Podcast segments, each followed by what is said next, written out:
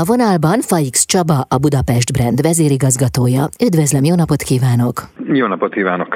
A főváros 150. születésnapja alkalmából változatos programokkal, illetve szabadidős lehetőségekkel kedveskednek a városlakóknak. Ez pedig nem más, mint a Budapest bejáró. De mi ennek a lényege? Hát ha nagyon leegyszerűsítve akarnám mondani, akkor tulajdonképpen ez Budapest kék túrája. A cél az az, hogy bebarangolja a várost mindenki, aki itt él, vagy csak eljön látogatóba, és megismerje azokat a részeit is, ahova mondjuk adott esetben a hétköznapi életben, vagy turistaként nem jutna el. Éppen ezért létrehoztunk egy ilyen kis pókhálószerű játékot itt Budapesten, ahol különböző összesen 20 úgynevezett bázispont van, ahonnan el lehet indulni, és fel lehet fedezni a várost, és ehhez mi készítettünk egy utikalauzt, leírást, rejtvényt, és olyan kis színes információkat, ami ezeket a sétákat igazán izgalmassá teszi. Voltak éppen akkor ez egy nagy budapesti kirándulás. Így van, ez egy nagy budapesti kirándulás.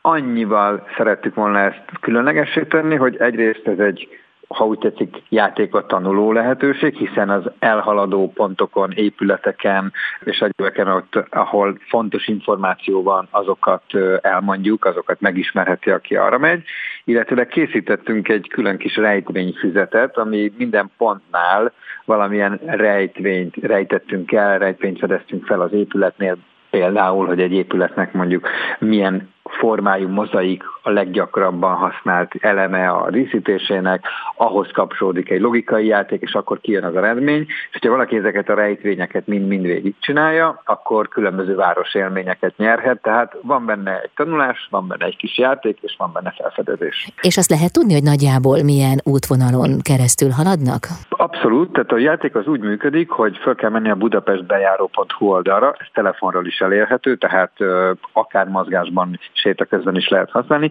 Itt van egy úgynevezett bázispont, mondjuk a Szent Imre tér, a Cseppeli Szent Imre tér. Onnan indul a séta, és akkor a Szent Imre térhez közel felrajzoltunk egy ilyen bejárható távolságra, 5-6, mikor mennyi úgynevezett ilyen érdekességet, vagy megtekinteni valót, és akkor azokat kell szépen egymás után bejárni, és akkor megnézni például a Szent Imretérni a Csepelműveket, vagy megnézni, ami, ami szintén ott van a, a, az egykori munkásszállónak a domborműveit, ami egy nagyon izgalmas alkotás, és egy kicsit az is volt a célunk, hogy már az elején mondtam, hogy, hogy azokba a negyedekbe, azokba a részekre is elmenjenek a budapestiek, meg azok is, akik csak látogatóba jönnek, ahova amúgy nem mennénk, és rájönnénk, hogy egyébként mennyi izgalmas, mennyi érdekes épület, történet, helyszín van a városnak a talán kevésbé látogatott részein is. Mikor zajlanak ezek a séták?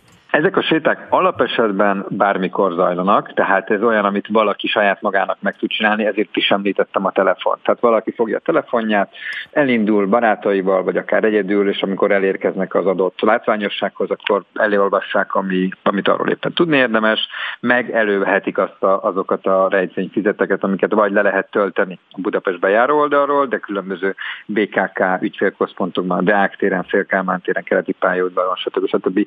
is ingyenesen át lehet venni. Tehát ezt meg lehet csinálni együtt, de egyébként lesznek majd így ilyen eh, bemutató séták Budapest napjához kapcsolódóan a következő hetekben, amit a Séta Szövetséggel közösen szervezünk, tehát hogyha valaki nem akar olvasni, akkor majd ezekre a sétákra is jelentkezhet. Végül is ez mind a mellett, hogy séta, városfelfedező játék is. Most épp néztem az oldalukon, ezek ajánlatok? Vagy, vagy, vagy így próbálják meg tematizálni a sétákat, hogy van például a régen látott folyópart, városból ki a zöldbe, aztán évszázadok öröksége. Szóval, hogy azért itt többféle lehetőséget ajánlottak fel. Próbáltunk többféle ilyen úgymond szűrési kritériumot összeállítani, vagy többféle módon, hogy valaki többféle módon megtölthesse ezt az útvonalat. Vagy azt csinálja, hogy azt mondja, hogy ő elmegy úgymond lokáció alapon. Szerintem egyébként az esetek legnagyobb részében ez fog történni, hogy kiválasztom, hogy mondjuk a, akkor a Szentlélek térről, vagy a Göncárpád városközpontból indulva, milyen izgalmas, vagy milyen érdekességek vannak ez egyiket próbáltuk olyan hosszúságúra belülni, ami egy családnak egy ilyen kellemes, nem túl megerőltető napi sétával az összes pontot érintve teljesíthető. Uh-huh. Szerintem ez az a fő használat, de van, aki meg azt mondja, hogy oké, okay, értem, de engem egyébként az érdekel, hogy merre laktak a hírességek. Vagy az érdekel, hogy hol vannak izgalmas gasztró, vagy éppen szakrális helyszínek, vagy hol vannak barokk emlékek, építészeti emlékek, amiket meg akarok nézni, akkor azt szerint is tud szűrni, ugye ezek nem szükségszerűen egymás mellett lévő épületek, vagy, vagy ilyen úgynevezett point of interestek, hiszen a barokk épületek szerteszét vannak a városban, tehát akkor ő azt is csinálhatja, hogy ő megnézi egyik ezt a barokk épületet, azt a barokk épületet, hogy megnézi, hogy adott esetben melyik sétában van a legtöbb barokk emlék, és azt szerint választ magának.